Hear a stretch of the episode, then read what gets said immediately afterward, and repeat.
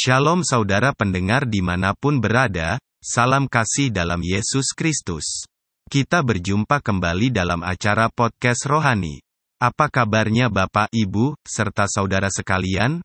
Semoga Bapak, Ibu, serta saudara-saudara selalu dalam keadaan yang sehat oleh karya kasih Yesus Kristus. Hari ini kita akan belajar firman Tuhan dengan tema "Segala kemuliaan adalah milik Allah".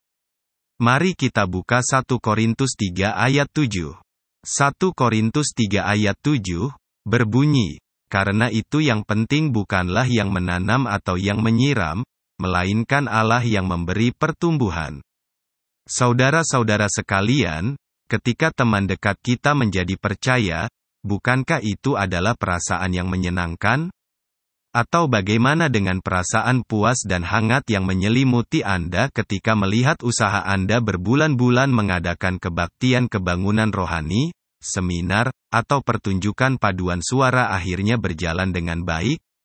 Saudara-saudari seiman mungkin menepuk pundak Anda, memuji pelayanan, kesungguhan Anda, dan mengagumi komitmen Anda dalam pelayanan. Dan sebagai jawabannya, anda menceritakan mereka panjang lebar perjalanan usaha Anda mengenalkan teman dekat Anda kepada kebenaran, atau menjelaskan bagaimana Anda menghadapi tantangan-tantangan dan ujian cobaan saat melakukan pelayanan itu. Itu dia, sebuah hal yang Anda lupakan, lupa Anda sebutkan di tengah-tengah semua perhatian itu.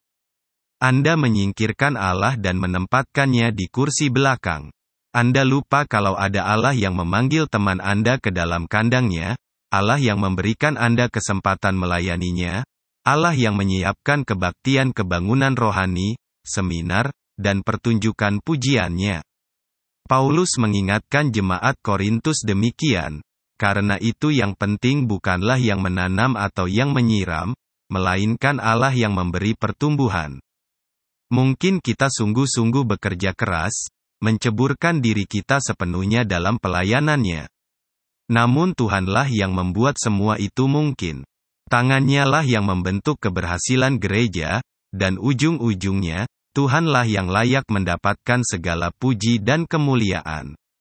Jadi, ketika lain kali seorang teman mau datang ke kebaktian kebangunan rohani, atau seseorang memuji Anda karena pekerjaan baik yang Anda lakukan, ingatkanlah mereka, dan juga Anda.